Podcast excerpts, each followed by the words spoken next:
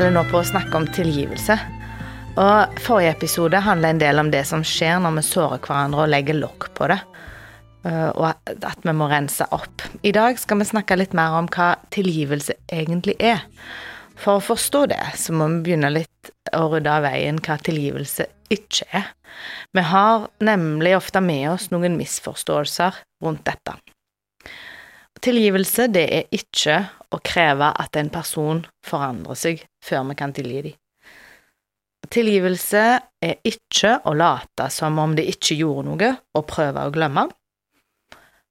Og tilgivelse er heller ikke å tro at tida vil lege alle sår. Tilgivelse, det starter med et valg. Jeg velger å tilgi deg. Tilgivelse er ikke en følelse. Ofte så hører vi igjen at folk sier 'jeg tror ikke jeg klarer å tilgi'. Da har vi misforstått og tenker om tilgivelse som en følelse vi skal prestere. Det er det ikke. Hvis vi skal kunne velge tilgivelse, så må vi snakke sant og ærlig om ting. Jeg blei såra, eller jeg blei sinte, eller jeg hadde lyst til å ta igjen. Men jeg velger å tilgi, ikke fordi jeg føler for det, men fordi jeg tenker at det vil være bra å glemme dette og legge det bak oss. Men jeg føler meg fremdeles sinte, eh, og jeg vet at når jeg velger å tilgi, så vil følelsene endre seg etter hvert. Når jeg velger å tilgi, så sier jeg samtidig at dette er en ting jeg ikke skal holde imot deg i en annen sammenheng. Og når det blir sagt at jeg klarer ikke å tilgi, så betyr det egentlig jeg vil ikke tilgi, eller at jeg kjenner meg ikke klar til å velge å tilgi ennå. Det engelske ordet for krenkelse kan lære oss noe om dette. Resentment. Det betyr bokstavelig talt å føle om igjen. Det blir som en negativ sirkel, om og om igjen å holde fast på fortid og det som er vondt. Og når vi gjør det, så vil bitterheten kunne gro. Og den som blir hardest ramma når en ikke tilgir, det er en sjøl.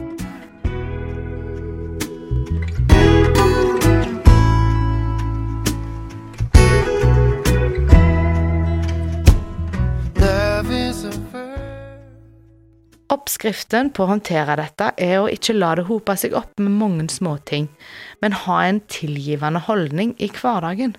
Og det kan være vanskelig til å begynne med, men det er lettere når vi har øvd oss. Ja, jeg prøver når, å få si mest mulig på korte tid her, derfor blir ting presentert veldig ofte som en lett prosess eller en kort, det høres ut som en quick fix. Men tilgivelse er veldig ofte en lang og krevende prosess. Og det er ikke sånn at eh, selv om jeg velger å tilgi, så er alle de vonde følelsene vekke med en gang, men det må jobbes med over tid. Og noen ting er vanskeligere å tilgi enn andre. Utroskap, for eksempel. Det må en jobbe seg gjennom. Og, og på en eller annen måte og det å ha, ha måttet gjort det, det er ikke uvanlig. Om du har måttet det, så er du ikke alene. Mange tror at årsaken, at utroskap ofte er årsaken til skilsmisse, men det er det faktisk ikke. Forskning viser veldig klart at det er problemer i ekteskapet som kan føre til skilsmisse, sender ofte begge to eller en av partene ut i utroskap. Utroskap handler vanligvis ikke om sex, men om vennskap, støtte, forståelse, respekt, oppmerksomhet, medfølelse og omtanke. Og hvis begge vil jobbe seg gjennom dette, er det fullt mulig å komme styrka ut av en sånn prosess, faktisk. Men det krever tid og innsats ifra begge parter. Og det som er særlig viktig å være klar over, er at når tillit er brutt gjennom utroskap, så tar det lang tid å bygge opp igjen den tilliten, og det må begge innse og godta, og en må ta tida til hjelp og snakke om det. Når vi jobber med tilgivelse som tema, når vi jobber med det som tema på samlivskurset, så fikk vi oss noen overraskelser. Jeg sjøl oppdaga at jeg hadde mye grums som hadde fått samla seg opp, og som jeg innerst inne holdt mot mannen min. Jeg hadde motvilje til å tilgi. Og det overraska oss begge, egentlig, for Eh, vi tenkte liksom at tilgivelse, det kom til å være hans problem, for at det, eh, i vårt ekteskap, for jeg var liksom den som ja, hadde trengt mest å motta det. Eh, men eh, der har altså han vært suverene mot meg. Når han har sagt 'jeg velger å tilgi deg', så har han virkelig ikke holdt det mot meg seinere. Og selv om jeg vet at det har dukka opp igjen i hans tanker og i hans følelser, så har han holdt det for seg sjøl. Og det syns jeg er sterkt og flott gjort. Og jeg for min del er utrolig takknemlig for at jeg har en Gud som kan hjelpe meg med dette. Når jeg forteller han i bønn om hvordan jeg føler det og hva jeg tenker, så vet jeg at han vil hjelpe meg. Og Gud tilgir uten forbehold, og han sier at vi skal tilgi hverandre på samme måten. Og det er ubeskrivelig godt. Det er så mye bedre å leve livet sitt i frihet og med ren samvittighet. Og nå snakker vi om virkelig frihet i ekteskapet.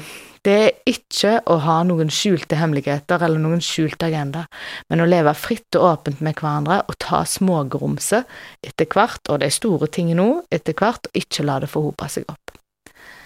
I første Korinterne 13 står det mye om kjærligheten. Der står det blant annet at kjærligheten gjemmer ikke på det onde. I dag har vi snakket om tilgivelse og om at det er et valg, og at det er en prosess som tar tid, og at det både er noe som er veldig personlig, og som du må jobbe med deg sjøl, og noe som dere som par må jobbe sammen om og snakke om.